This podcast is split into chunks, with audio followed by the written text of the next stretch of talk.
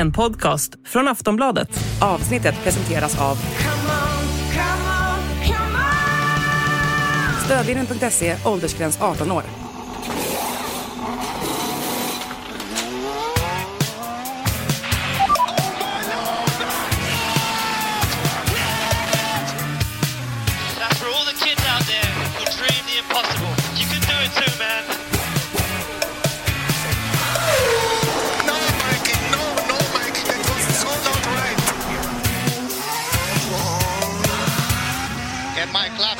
Steering wheel.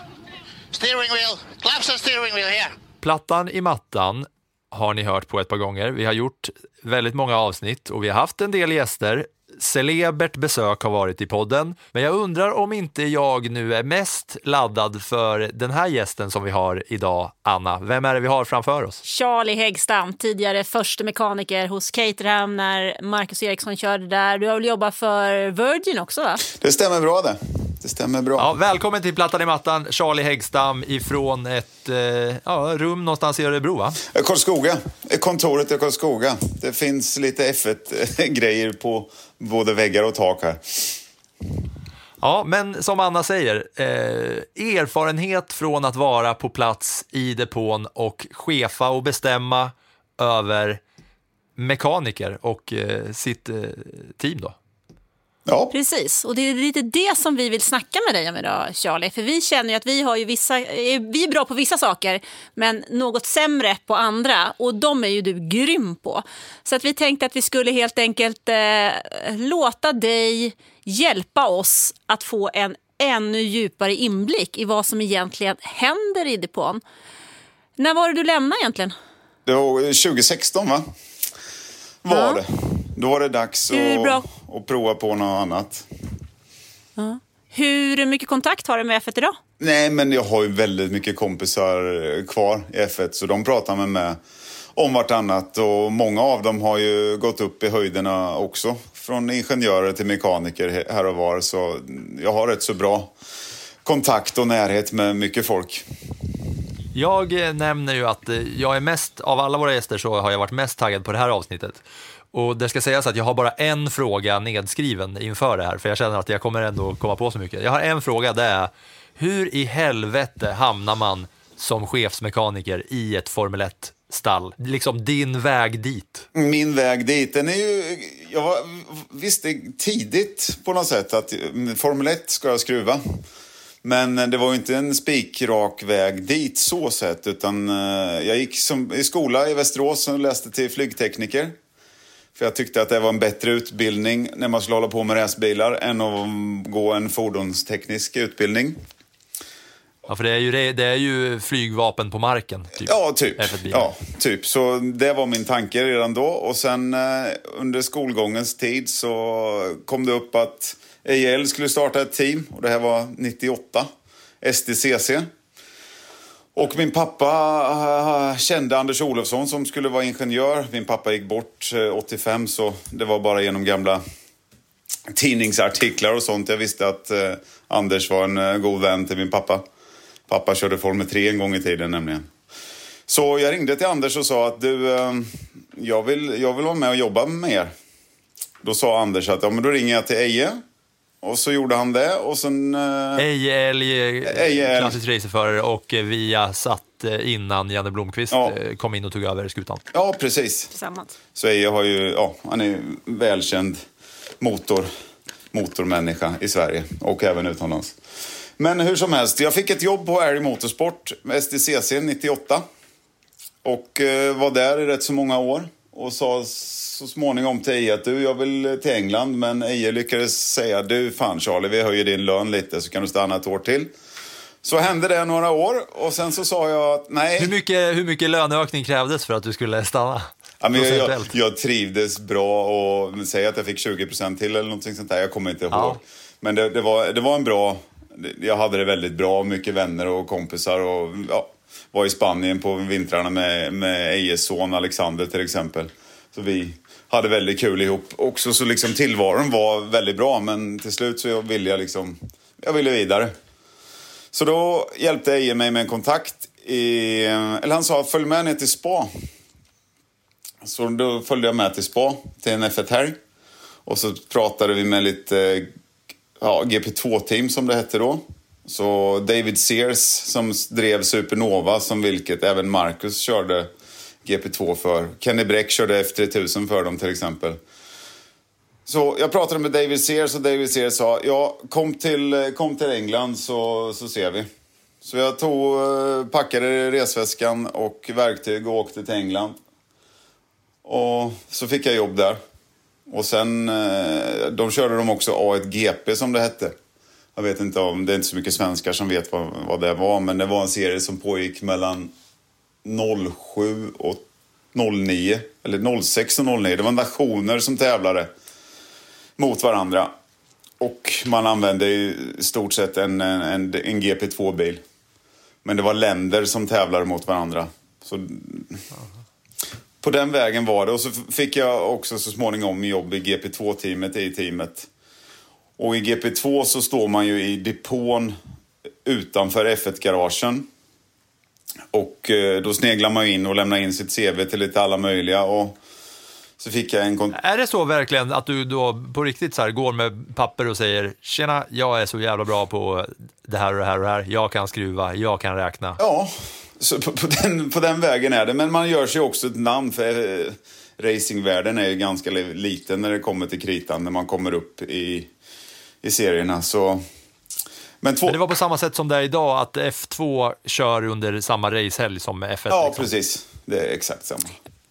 Men sen är det ju så, eh, Filip, att eh, runt garagen, garagen har ju F1-teamen, sen är Paddock byggd utanpå den och där är det avspärrat. Utanför det står liksom som en paddock för GP2-bilarna eller Formel 2-bilarna. Och de får ju sen liksom, de skjutsas ju runt de där bilarna in på startrakan när de ska köras och har ju sina garage där ute. Så det är nästan, man, man kan väl säga det Charlie, att det är som, som staket uppdelat liksom, från det ena till det andra. Så det är väldigt tydligt VIP. Hur, ja, men hur hierarkin ser ut där, vilken trappsteg du är på. För är du i GP2, då står, precis som Charlie säger, alltså det är stängt till F1. Det är liksom, staketen är, eh, vad ska man säga, det brukar vara så här blå, eh, typ eh, eh, presenning Ja. över, eller målat med, med liksom, eh, graffiti eller någonting så att du kan inte stå och titta in.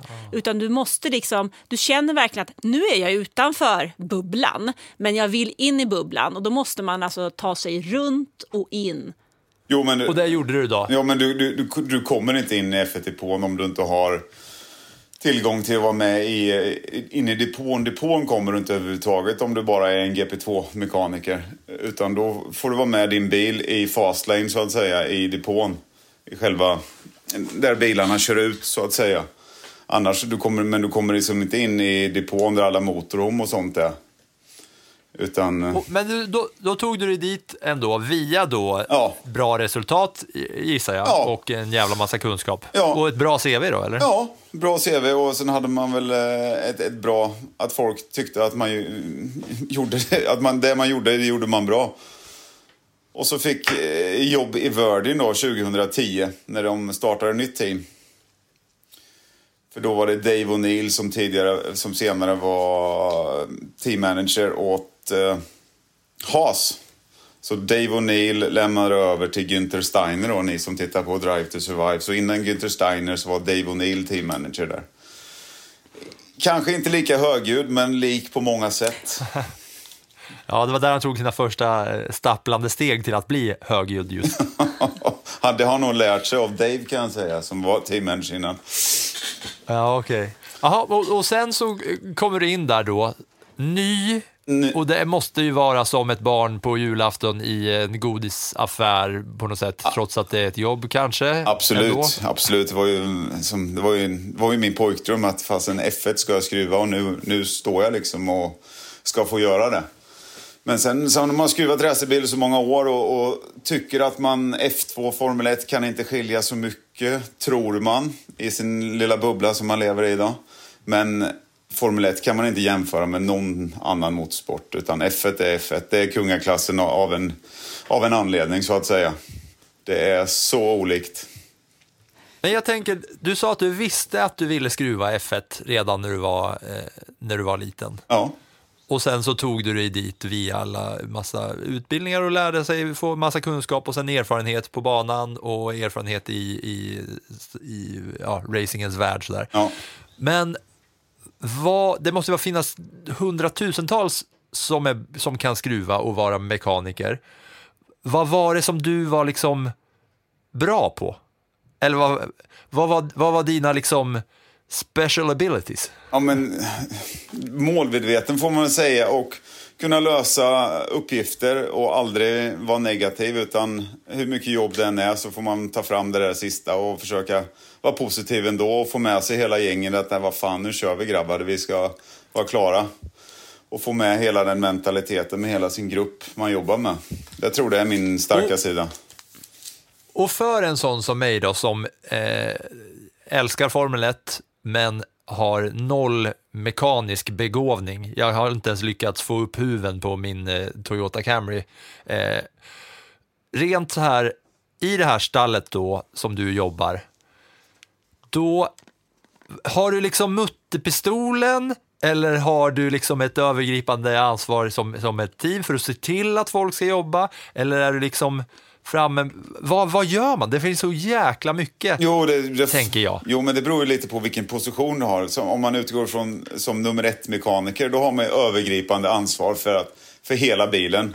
Att bilen ska byggas i enligt rätt ritningar och att den ska vara klar i tid. Och att folk sätter dit rätt delar och alla uppdateringar är gjorda som de ska.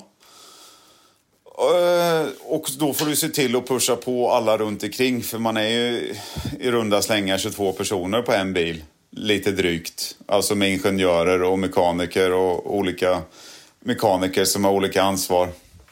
Oftast nummer ett mekanikern har ansvar. Det är lite olika på, från team till team men det brukar se ut som att nummer ett har ansvar för motorinstallation och bränsletanken. Eh, och sen är det en del pappersarbete också. Och sen se till att alla gubbar som sagt gör som de ska.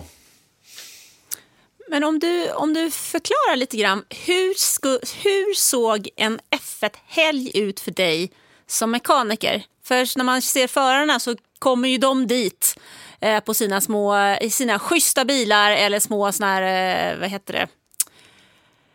Jag på säga, eh, sparkcyklar inglidandes liksom på, på torsdagen. Eh, men för dig kan jag tänka mig, att, eller vet jag, att jobbet började betydligt mycket tidigare än så. Så kan du ta oss igenom en F1-helg och hur du jobbar? Eh, ja, men eh, vi, kan bör- vi säger att det är en, en, eh, en, helg dit eh, vi inte har tagit lastbilen dit så att säga. Bilarna har flugits dit. Det är lite skillnad på om det är en Europatävling eller om det är utanför Europa. Eh, och sen är det skillnad om det är back-to-back och sådana saker. Men säg att det bara är en vanlig helg. Du, du, du flyger ut på måndagen för det mesta. Söndagen eller måndagen beroende på hur långt vi ska. Eh, då har du förmodligen, eh, säg att du landar på eftermiddagen. Då har du alla, eftermiddagen fri i alla fall. Då. Så går, är du in på banan på tisdagen. Sen har du folk som har kommit tidigare ändå och börjat bygga garaget på måndagen. Men på tisdagen så kommer vi resten av gänget in. Färdigställer det sista med garaget. Och sen börjar jobba. Nu pratar vi F1 här Ja. bara, så, så vi förstår. Nu pratar vi när du är i F1. Nu pratar vi bara Formel 1. Ja. Eh, och så bygger man i ordning garaget på tisdagen och tar fram bil. Och sen så börjar du börja bygga bilen då.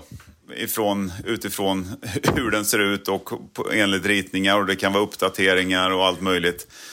Men eh, onsdag så varmkör man förhoppningsvis om du har alla grejer.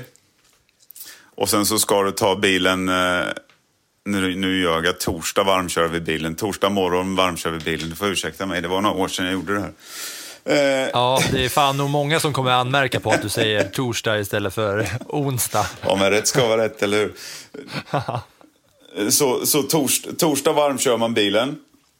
Och, när, och, du, du vill varm, Vad betyder det då? varmköra bilen. För bilen, när du kommer från en flygande resa så har du liksom en monokock. Själva karossen på bilen kallar man monokock. Den är ju en del, motorn är en del och växellådan är en del. Så allting sitter ju inte ihop överhuvudtaget utan du börjar egentligen från noll och bygga upp bilen på, på onsdagen där. Men när du har fått ihop bilen så pass att motor och låda och chassi sitter ihop och alla system eh, sitter ihop. Det är ganska mycket jobb runt Men för, omkring för man, som man, man, inte ser. ner, man plockar alltså ner, man plockar ner bilen Ja, ja. och, i olika delar och sen så sätter ni ihop den inför varje vecka. ja, absolut. Men det är ingenting som lämna, lämnas åt slumpen i Formel 1 utan ibland kanske man skruvar för mycket men all, varenda del på en Formel 1-bil har en, ett nummer och ett eh, designat en designad tidsintervall eller kilometer som den ska få rulla innan det är dags att byta ut den. Så allting är, är väldigt noga uträknat på att det ska hålla lite extra och sen tar man isär det även om den har designat för att gå en viss antal så har man isär vissa saker som är mer utsatta för att röntga dem och titta på dem så det inte är någonting som kan hända eller ska hända. Sen går det ju sönder ändå men eh, man tittar på varenda detalj egentligen. Det är just därför att det är så speciellt också, Formel 1. Hur som helst, torsdagen vi har varmkört. Då signar man av motor och växellåda så, och alla system så att det fungerar.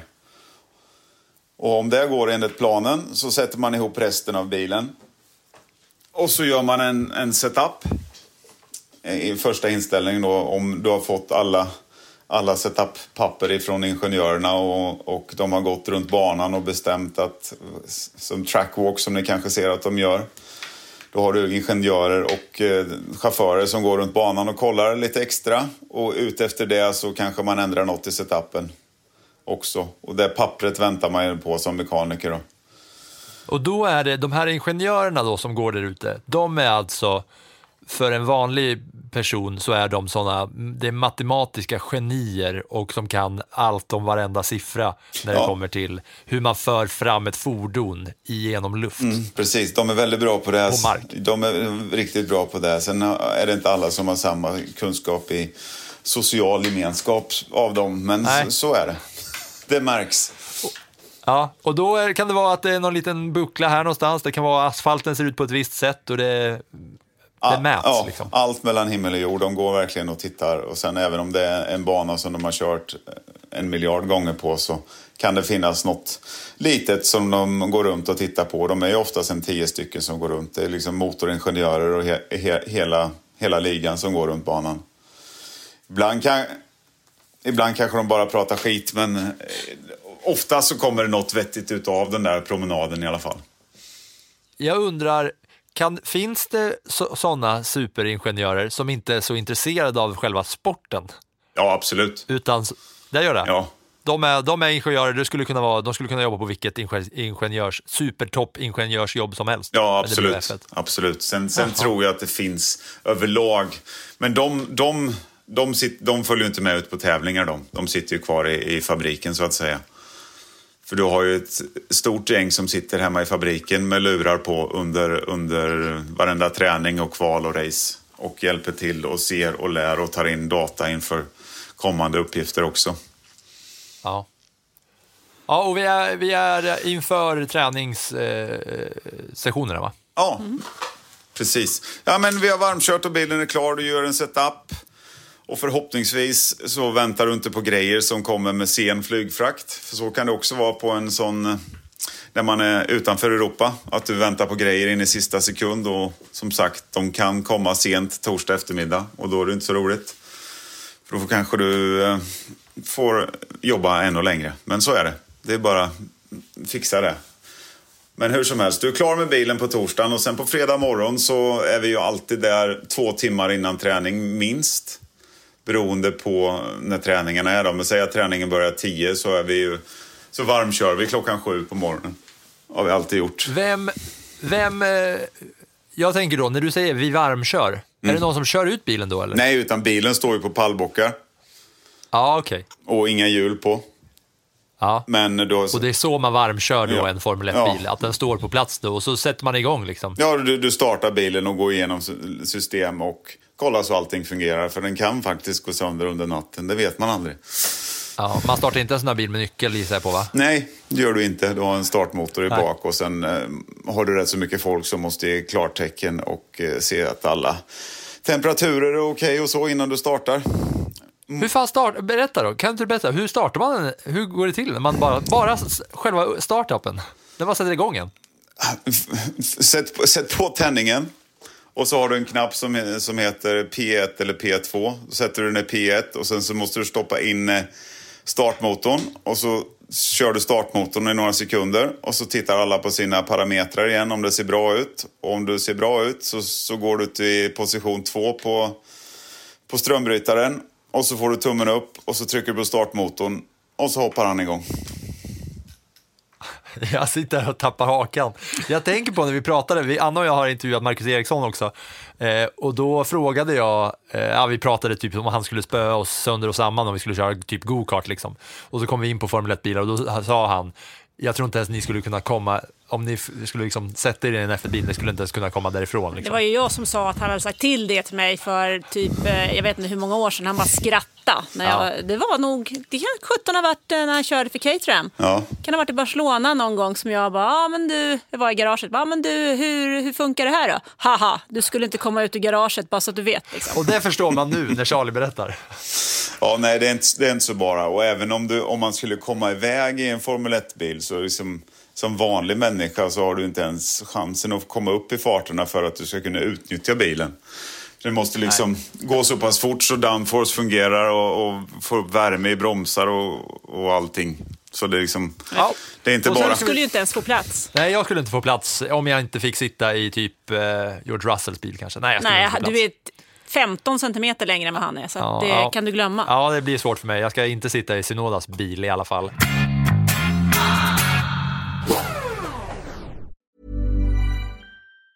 Say hello to a new era of mental health care. Cerebral is here to help you achieve your mental wellness goals with professional therapy and medication management support. 100% online. You'll experience the all new Cerebral Way, an innovative approach to mental wellness designed around you. You'll get a personalized treatment plan from a therapist, prescriber, or both in a safe and judgment free space. Your Cerebral therapist or prescriber will outline a customized plan with clear milestones along the way so you can get to feeling your best. With Cerebral, you're not alone in your mental health journey. We're here to empower you to live a fulfilling life. So take that first step towards a brighter future and sign up today at cerebral.com slash podcast and use code ACAST to get 15% off your first month. Offer only valid on monthly plans. Other exclusions may apply. Offer ends July 31st, 2024. See site for details.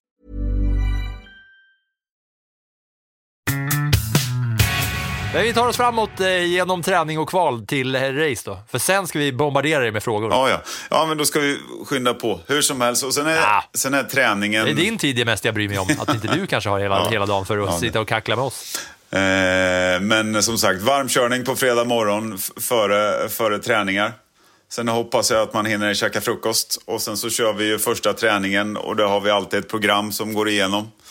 Vad ingenjören och chauffören vill testa eller teamet vill prova lite saker. Och sen mellan träning 1 och 2 är det oftast saker som ska bytas. Eh, och fixas med. Och sen kör man träning 2. Efter träning 2 har det ju alltid varit, fredagarna har ju alltid, var ju så här, alltid en så här död, dödardag som mekaniker. För börja tidigt och sluta sent. För efter träning 2 så plockar du isär hela bilen igen och byter ut. Dels ta bort saker som du har testat och lite extra, extra saker du har på bilen på fredagarna. För att se saker som du inte behöver, det, det, det väger för mycket för att ha kvar på på lördagen för kval. Så byter du motor för det mesta och växellåda byter du också. Så då eh, är det ju samma procedur som du gör på, på tre dagar på, på en kväll istället. På Men du, en fredagskvällen. fråga så här. Ja, Jag tänker, eh, byta en motor, hur lång tid tar det? Och byta de här nya typen hybridmotorer som faktiskt fortfarande kör med? Det beror ju lite på hur, hur, hur man gör det. Om du, om du har en motor och en växellåda som sitter ihop, som är klar och bara stoppa r- rätt på och eh, du kan säkert göra det på en timme om du är ett helt gäng som är med. Och sen har ni gjort det si och så många gånger också. Ja, precis. Då, Som alla är med. Men det är ett bra exempel på Red Bull när de bytte, var det på Verstappens bil på... Det var inget motorbyte, men eh, de bytte... De, var, han körde av på uppvärmningsvarvet till Ungerns Grand Prix eller någonting sånt där tror jag. För ett eller två år sedan. Och de hade 12 minuter på sig att byta eh, styrstag eller om det var en bärare eller vad det var. Men de löste det. Men det är på grund av att alla vet exakt vad de ska göra. Och det är ett sånt teamarbete. Det är därför det fungerar. Ja, Men- sen är det kval. Sen är det kval. Och när bilen åker ut på kvalet så är det ju Parc Famé. Så, så, så fort bilen kommer ut på kvalet så är det liksom det största gjort. Så att säga. Just det, det är det man inte tänker på med mekanikerna. Visst, ni har era depåbyten och, och Mm. sådär om det händer något under eh, racet. Men ni, ert jobb är ju typ gjort, för man får inte jobba. Nej, precis. Sen har du vissa saker. Men sen också alltid efter FP3 till exempel, innan kvalet. Där är det ju sista gången du kan provköra motorn och växellåda som du har satt in kvällen innan. då. Så om allt är okej så byter du förmodligen oftast bara avgassystem på bilen. Just på grund av det här med lifing så du ska ha så fräscht som möjligt för, för racet. Och bromsar och lite så här smågrejer kanske. Eh, och så kommer kvalet igång då. Så då åker de in i Park Fermé när de åker ut eh, för den vita linjen i, i Fastlane. Och eh, så länge kvalet går bra så har du alltid, efter kvalet så har du en lista som du har lämnat in innan årets start till FIA och sagt att efter varje kval vill vi titta på, vi vill ta ner golvet, vi vill varmköra, vi vill visst antal saker som du vet att bilen kanske du vill gärna vill titta extra på. Så de sakerna kan du göra. Men det står ju fortfarande en, en kille från FIA i garaget och tittar. Och om du hittar någonting i garaget att fasen den här eh, tie-upen har gått av eller det här ser inte bra ut. Eller vi måste ha sett någonting på datan att vi vill kolla i växellådan för vi tror. Då måste du lämna in en request till FIA och säga att vi vill titta på det. Och så säger de Eh, är det bara för säkerhetsskäl att ni ska fullfölja loppet? Ja, självklart. Ja, men då... jo, men ibland så kan det vara liksom lite tvetydigt att varför ska ni göra det här? Men eh, får man godkänt så kommer FAA och så tittar man på det man ska göra. Och så om man hittar någonting som är trasigt så får man byta ut det mot en exakt likadan del. Du får aldrig byta ut det mot någon annorlunda del. Och så är det frid och fröjd och så sätter man bilen i Parc Fermé. Eh, Är det två och en halv timme efter må, eh, kvalet har slutat.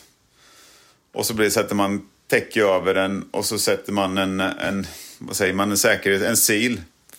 Så du inte Ja, kan öppna den en själv. sån plugg, liksom. Ja, en plugg. Och sen samtidigt så är i varje garage så sitter ju en kamera över bilen också. Som filmar konstant. Så liksom det är ingen... Jag gillar ju den här övervakningen alltså. Det är roligt att det finns då en gubbe i varje, i varje stall som bara står och bevakar och sen den här kameran. Mm. Samma kamera som vi pratade om under sommaruppehållet när man inte får jobba på bilen.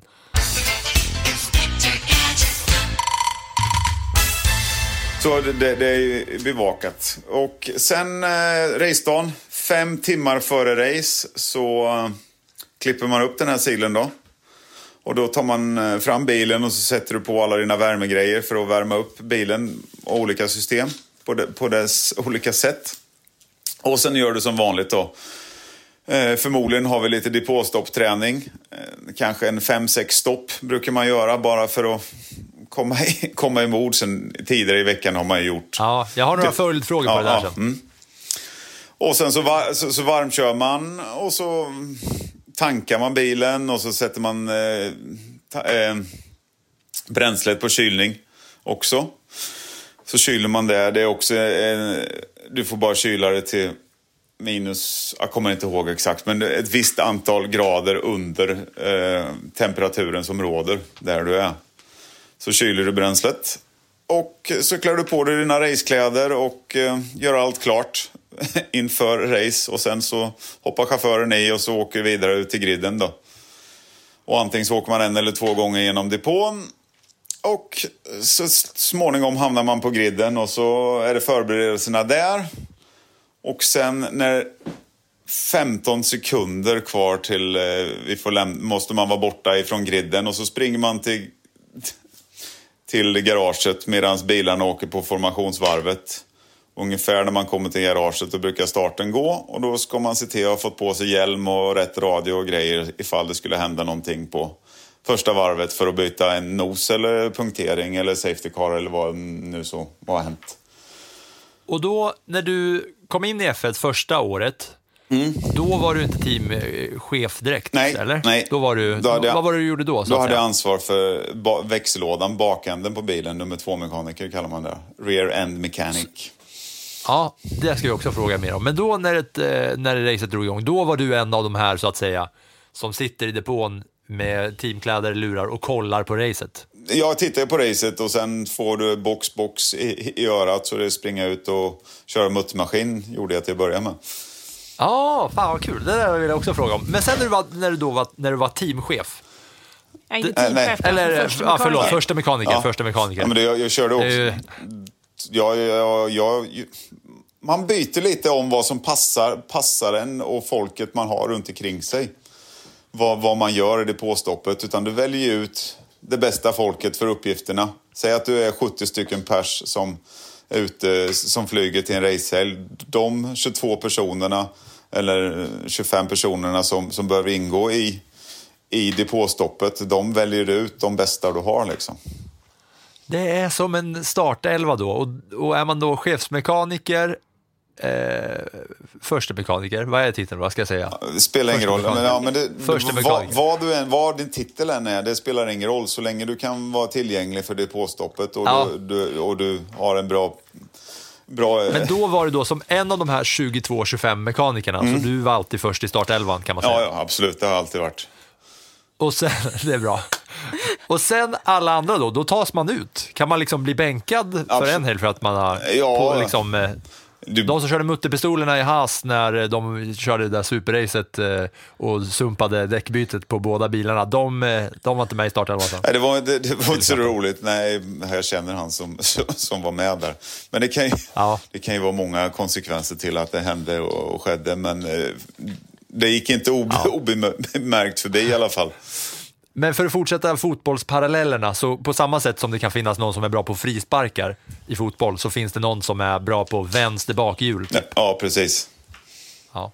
Och då är det den som får den rollen. Liksom. Ja, Men det kan förändras lite. Ja, ja men liksom, man tränar ju hela tiden och så, så ser man att ja, han kanske har lite problem den killen med det. Undrar om han ska gå dit och han går dit. Så man byter och analyserar depåstoppen väldigt mycket faktiskt. Det läggs mycket tid både på utrustning och personal. Hur, hur personalen används. Ja, och sen under, sen under race så är det, då är det ganska chill då. Ja, då är det liksom, då får man ju sitta där och heja eller, och, och bara Ja. vänta. Och sen kan det bli från att vara världens chill till världens action. Och så är det över på två sekunder så är det chill igen liksom. Så Ja. det, det, man, kan, Och man kan sen inte sitta och sova heller. Nej, absolut inte. Men sen när racet är slut, Ja, då packar ni alltså isär bilen igen för att ta den tillbaks. ja. Efter, Då är efter, det samma, sa, efter samma mål- procedur åt andra hållet. ja, precis. Efter målgång så är det åtminstone sex timmars jobb. Innan vi är klara. Oj, oj, oj. Du, det är hårt jobb. Ja, det är många timmar, absolut. Så hade Vadå, man, det är slut, hade man fått det är slut på söndagen. Ja, Och sen sa du att ni börjar alltid på måndagen. och det beror ju på om det är ut då? back-to-back. Är, är det, Ja, just det, såklart. Är, är vi, säg att vi är i Singapore och ska till... Är det Japan man brukar åka till? Så Singapore är det ju alltid bra fest på söndagen. Så, så, det ja, brukar det man, vill man ju höra om. så det brukar man ju hinna med en timme eller två eftersom man, racet är så sent. Så när man har slutat jobba, det vet jag att jag har gjort, man slutar jobba vid, vid fyra, springer man till hotellet, hinner inte ens duscha utan drar på det bara en skjorta och så går man på fest i två timmar och sen blir det direkt till frukosten istället. Och sen går, och sen går flyget lite senare på eftermiddagen så då kan man sova då. Men där har, men där har vi i, liksom, i extremt stora drag hur eh, liksom en racevecka eller vad man ska säga, Ja. ser ut då för, för en eh, mekaniker. Ja. Sen, sen går det att gå in i detalj något så in i bäng mycket närmare på det här. Ja, vi ska, vi ska ta oss in på lite, lite frågor som, eh, som, vi, som vi har eh, med oss där. Vi ska också säga att anledningen till att vi eh, valde att göra ett Tech Talks avsnitt, det är väl ändå ett Tech Talk eh, det här avsnittet får bli, är att en lyssnare som heter Ludvig Hjalmarsson hörde av sig och önskade just att få eh, lyssna på en mekaniker och kanske ha ett Tech Talks avsnitt här nu under vinteruppehållet. Så vi ska säga att vi har våra lyssnare att tacka för att eh, den här idén bollades upp och Anna då lobbade upp eh, Charlie Häggstam. Som, Ja, men alltså, som- Charlie, han är rolig han. Honom tar vi. Ja, det är bra. Eh, och, och då kommer min första fråga här då. När man är som förste mekaniker och när man då väljer ut sitt team. Hur, vad, vad, vad, titt, alltså, vad, vad tittar man efter när man ska ha då en mutterpistoldragare? Till exempel.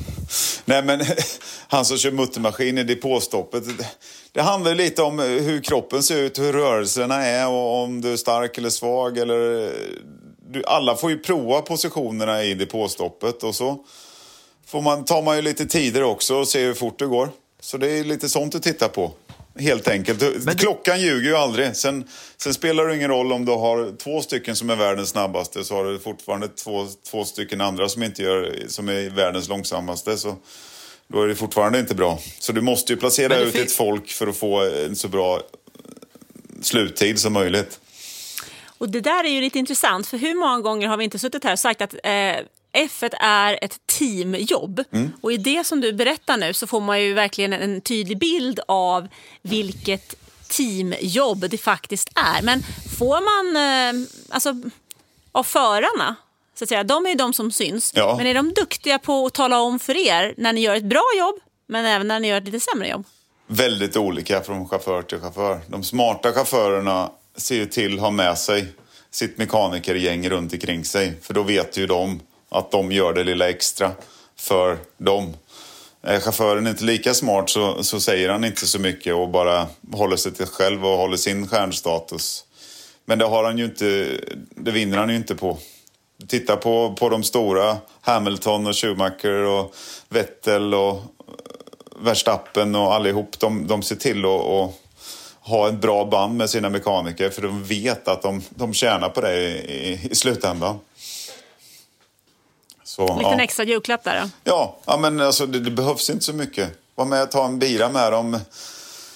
Eh, En teammiddag, alltså det är små saker. Eller kom och säg hej varje morgon. Eller hej då, tack för idag, bla bla bla. Det här vart inte så bra, vad kan vi göra för att göra det mesta bättre? Men gör man fel så får man veta det. Det behöver man inte vara orolig för i F1. Det är så mycket folk, Har du som, fått- folk som Har du tittar. fått någon sån rejäl avhyvling eller hårtork? Nej, inte Nej, det har jag inte. Inte vad jag kommer ihåg.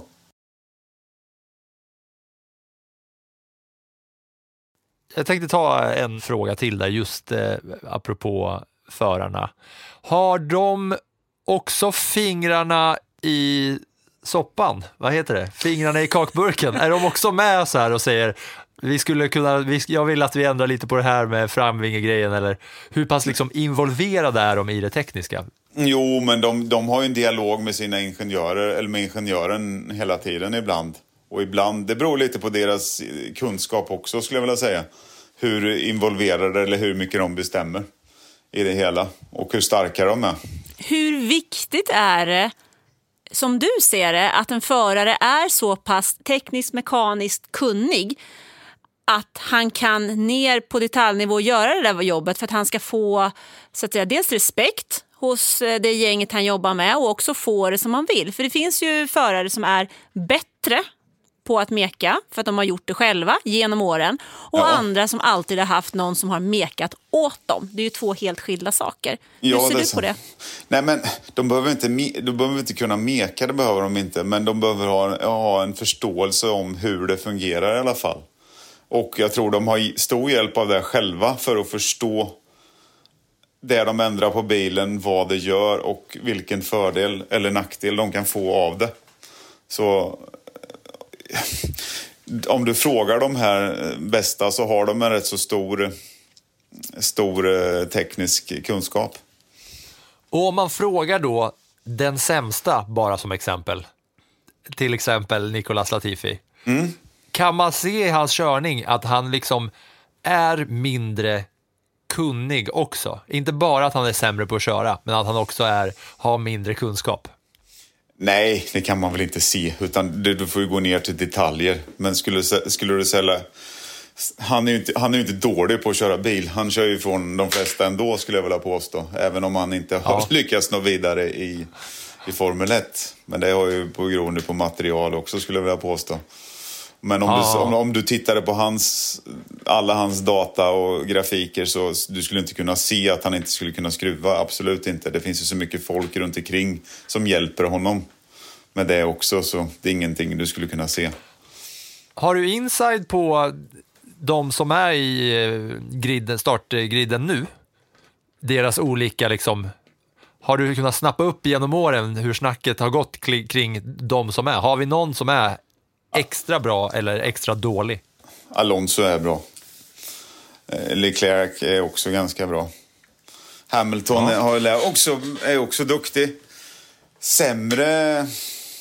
Jag vet faktiskt inte. Det är många av de nya ungtupparna som, som jag inte har riktigt koll på där. Hur, Ja. hur bra eller dåliga de är. Att en sån som Alonso då har hon kunnat köra Formel 1 i 20 år. Ja. Är det en förutsättning att han har haft de kunskaperna som har gjort att han har kunnat hå- hålla sig kvar så länge och på så pass hög nivå? Hamilton har också kört länge men inte lika länge. Nej, men jag tror absolut det har hjälpt till. Teamen ser ju en... en, en eh, de ser ju honom som en, en duktig utvecklare och kan ha, kan ha massa hjälp av honom på grund av hans tekniska kunskap. Så hade han... Och därav byte till Aston Martin. Ja, förmodligen. Förmodligen. Så ser de det. Att han, att han kan hjälpa till att utveckla. Så jag skulle tro det. Absolut. Vi fortsätter hagla lite frågor bara. Så du, Ja, du blir, liksom, du blir, du, du blir ned, eh, nedringd med frågor här. Vill du säga något Anna? Ja, men jag tänkte bara på bara så här korta saker som folk... Eh, jag har förstått att folk funderar över när man sitter och tittar på Formel 1. Så jag har ett par korta ord här som jag gärna skulle vilja att du ger en snabb och schysst förklaring på som man faktiskt förstår. För man kanske inte vill ställa den frågan själv. Eh, downforce. Ja, det är try- tryck, tryck. Hur ska jag förklara det egentligen då? Luften trycker ner bilen. Ja, det är egentligen som de alla säger. Du, när en Formel 1-bil är en upp och nervänd eh, flygplan. Flygplanet vill, har, har lyftkraft uppåt. En Formel 1-bil vill du trycka neråt för den ska kunna åka så fort som möjligt genom kurvorna. Alltså Fan enkelt. vad sjukt bra svar. Jävlar vad jag aldrig ens har tänkt tanken på det där. skitbra det är ett upp och nervänt flygplan. Wow. Och vi har ju hela året snackat om porpoising. Mm. Hur, och vi kallar det för eh, typ eh, tumling i början av säsongen. Alltså detta ständiga skuttande. Kan du ge en snabb och bra förklaring på vad det var som hände och hur lösningen finns? Det beror ju på designen från början på bilen. De enda som hade lyckats var ju Adrian Newey. För problemet fanns ju redan på 80-talet på ground effect-bilarna. Med porpoising. Och det var väl eh, Adrian var den enda som hade kommit på det. Men det handlar egentligen om att bil, bilen trycks mot, mot backen med downforce. Men den går emot backen. Och då skapar den en, en obalans. Och så, så börjar bilen studsa helt enkelt. Det är designen på bilen och, och, och golven du kunde ändra på för att få, få till det. Men har du inte haft med den beräkningen från början så är det inte bara att ändra en liten grej utan då förlorar du andra saker också i, i bilens egenskaper. Aerodynamik liksom är en hel vetenskap i sig. Ja, ja, vi hade nog inte förväntat oss att, att vi skulle få det helt förklarat där i en fråga i en Formel 1-podd för eh, lite halvnykomna sådär. Nej, Att vi nej, ska men- lista ut det. Ett, ett, ett enkelt och tydligt svar, det räcker väl ganska långt. Då vet man i alla fall, för ibland så är det så att man sitter och funderar över ord och tänker vad sjutton betyder det där egentligen?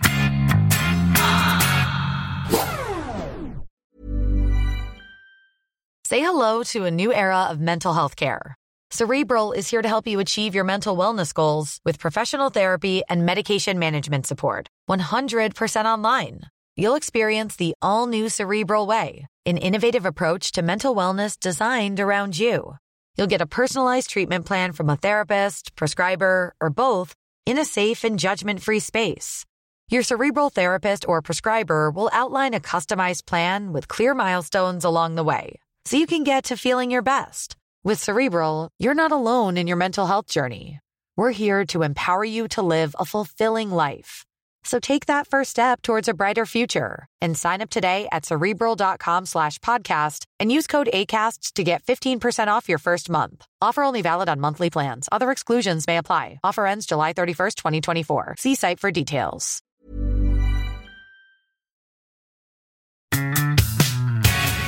En sak som jag har funderat på, det är, du sa att ni byggde upp garagen. Ja. Skil, skiljer det på GP till GP, så att säga, i F1-världen? när man åker från ena platsen till nästa? Absolut så är det ju, alltså själva garaget till garaget i sig, det är ju olika vart man än är och det är olika storlekar på och hit och dit. Men själva garaget vi bygger upp försöker vi ha likadant varje gång. Men sen har du ju olika ytor så det kan vara olika stort bakom och så. Men själv, man kallar det hästskon, the horseshoe, där bilarna står.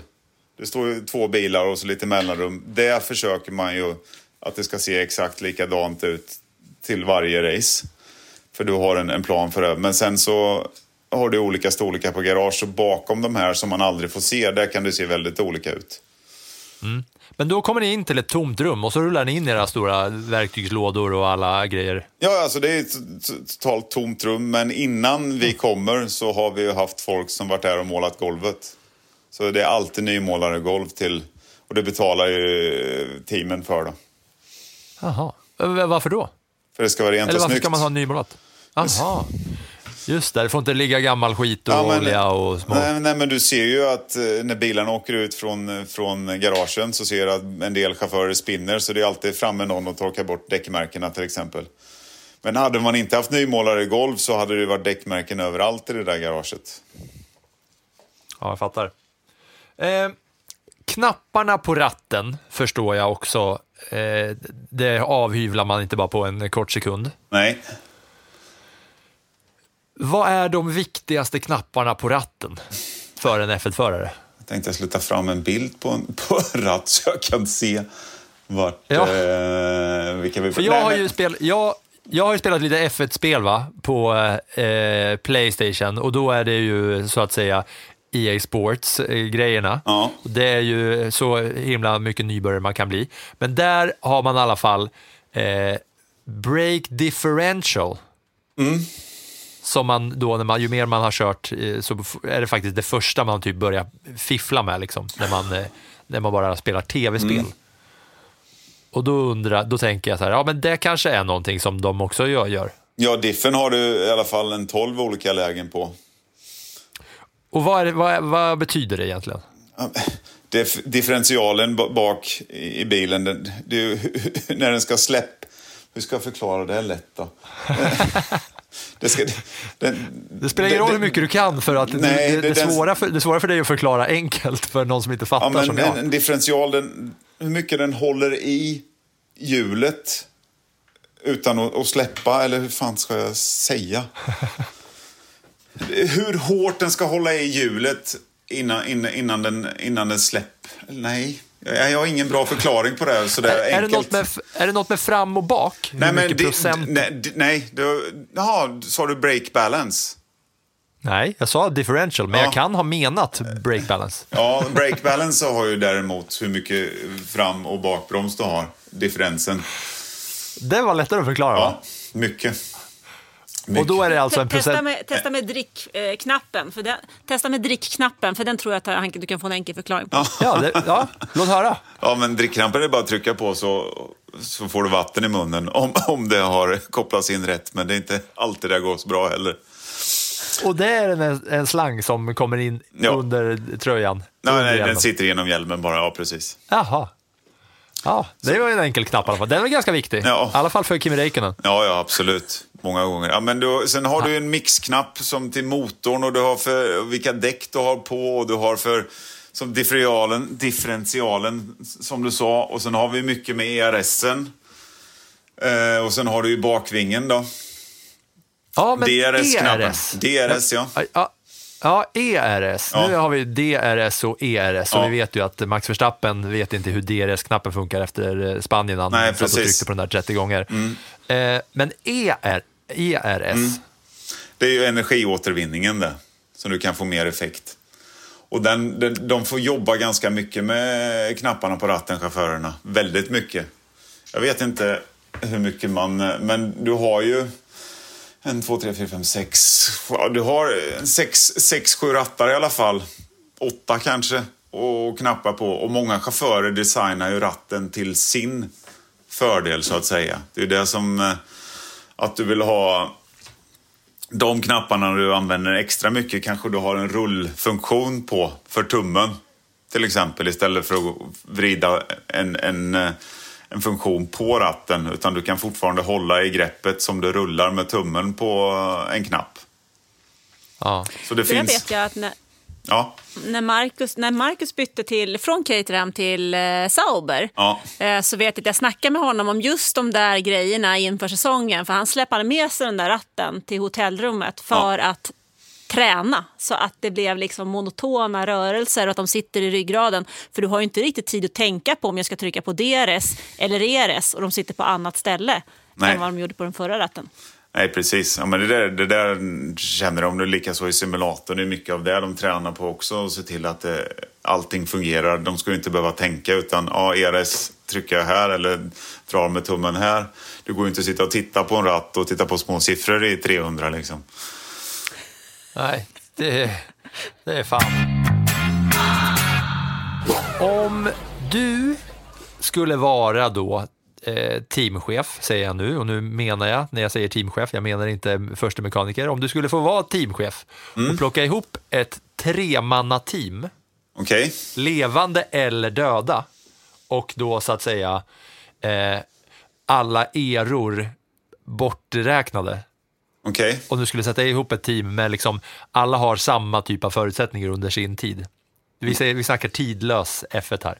Okej. Med tre förare som du skulle ha i ett team för att det skulle bli så bra som Vi möjligt. pratar tre förare då, inte typ en teamchef, en designer och en förare. Nej, det är ju Häggstam är teamchef. Jag vill bara ha, jag vill bara ha tre, tre förare då som man skulle kunna få det att funka. Alla eror included. Ja. Inom eh, kampsport brukar man snacka om pound for pound. Baserat okej. på att man inte att en, man i en liksom imaginär värld där man, en tungviktare skulle kunna möta en flygviktare.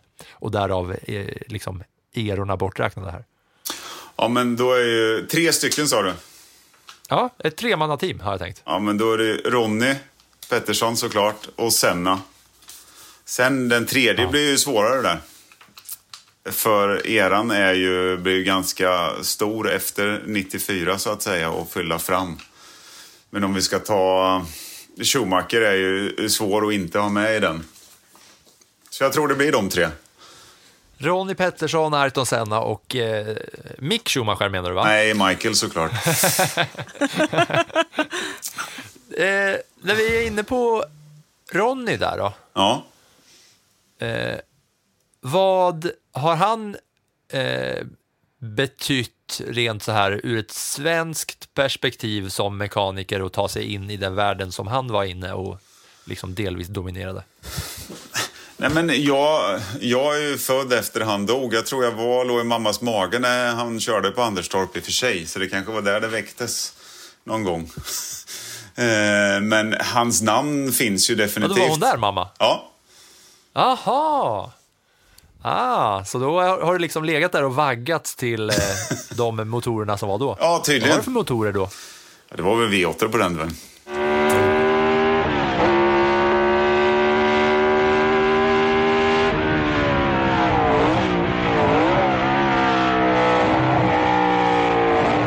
Så det var bra. Nej men... eh, Men eh, Ro- Ronnys liksom, eh, impact på något sätt då, även fast Ja, det var han- före din tid?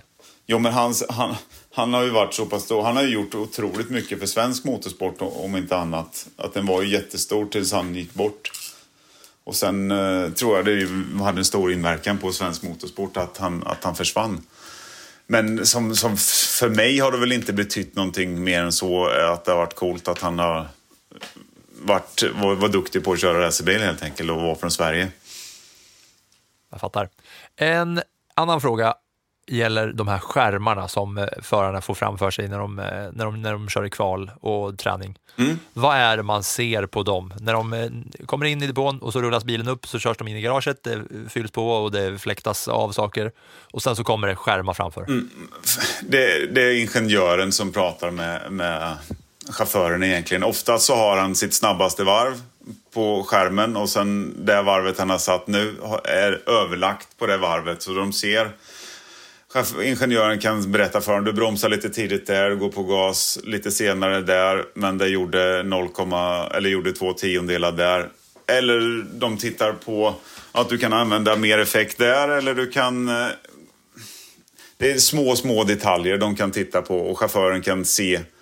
De tittar hela tiden på grafer, chauffören och ingenjören och jämför varv för varv och ser vad du kan tjäna, tjäna tid eller förlo- vart du förlorar tid. Likaså så kan du lägga teamkompisens, att han har varit två tiondelar eh, snabbare än vad din chaufför har varit. Då, så han kan se att aha, han bromsar lite senare där eller han går på gas tidigare där eller han förlorar där. Så det är egentligen små detaljer de tittar på så chauffören får det liksom svart på vitt att där gör du fel och där gör du det bra och där kan du göra det lite bättre.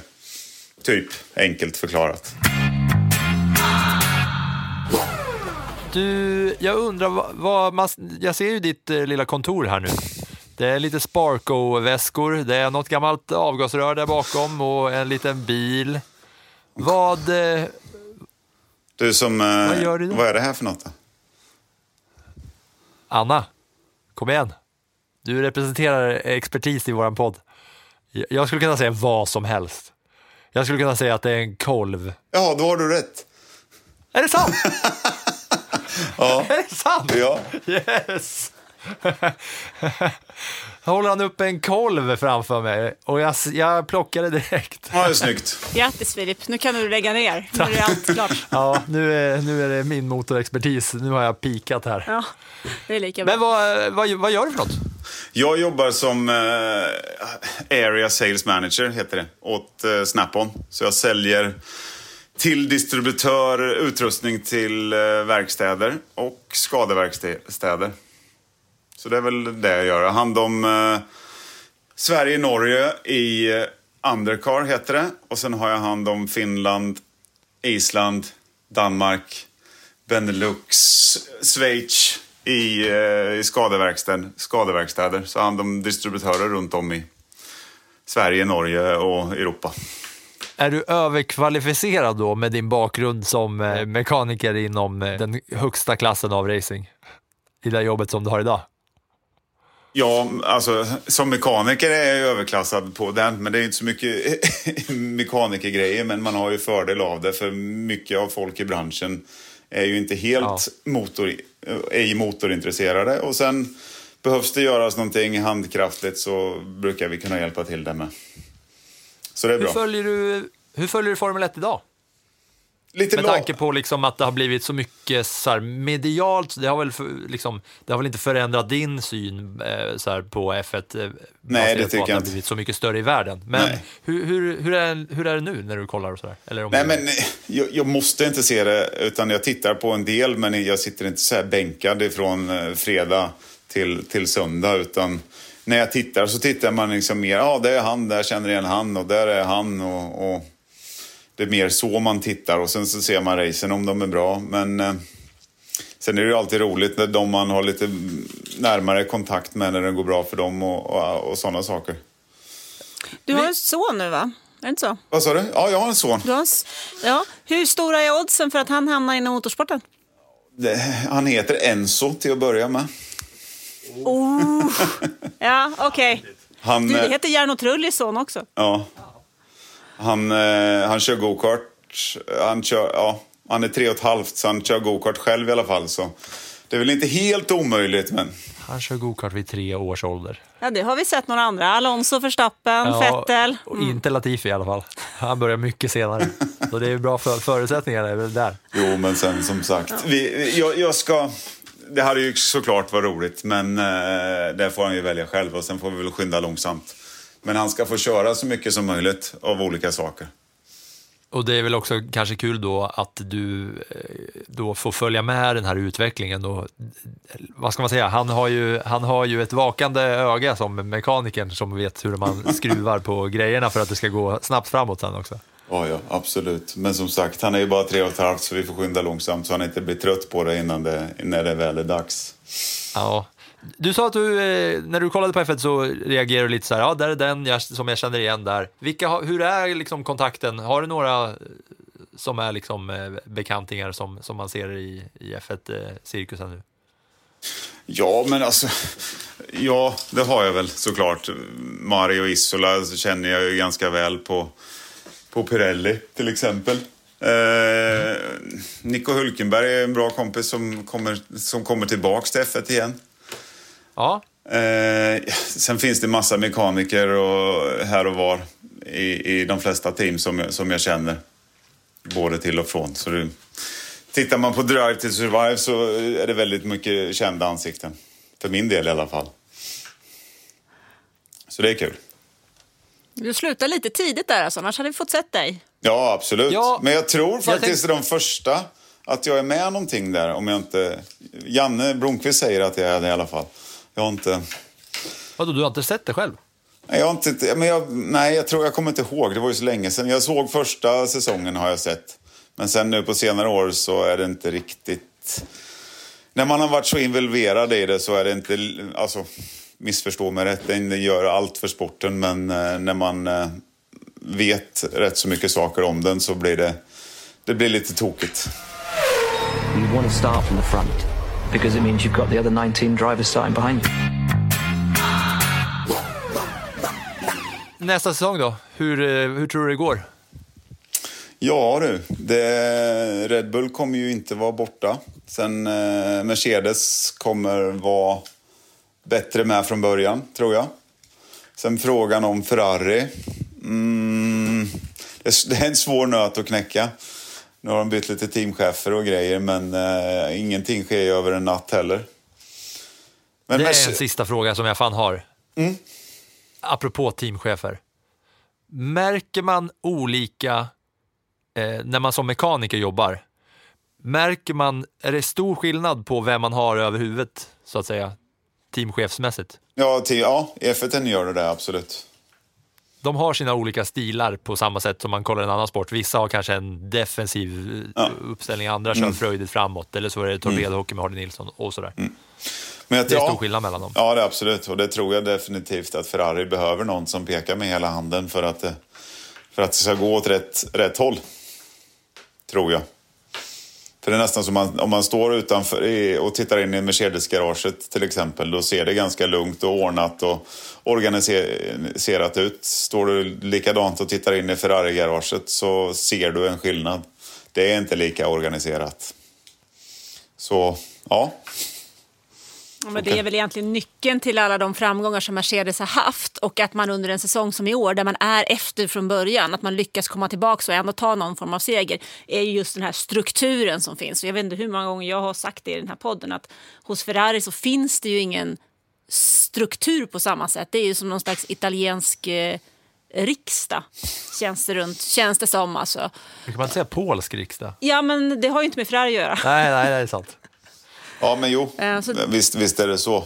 Mercedes Så det känns lite- vet vad de gör och de gör det av en anledning. Ja, precis. Och man gör varje detalj av en anledning också. Absolut. Charlie Häggstam, tack så jättemycket för att du var med i eh, Plattan i mattan här i vårt Tech Talks avsnitt.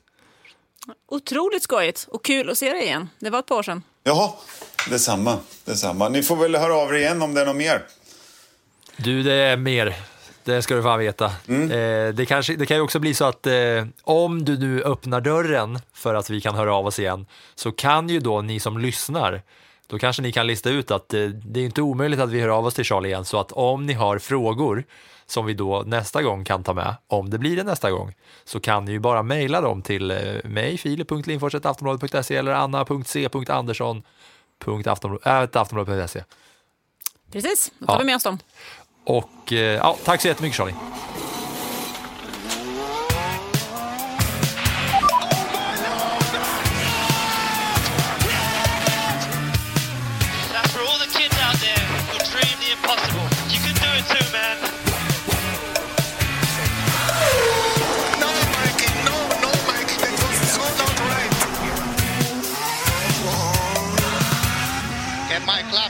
Steering wheel. Steering wheel. Claps and steering wheel here.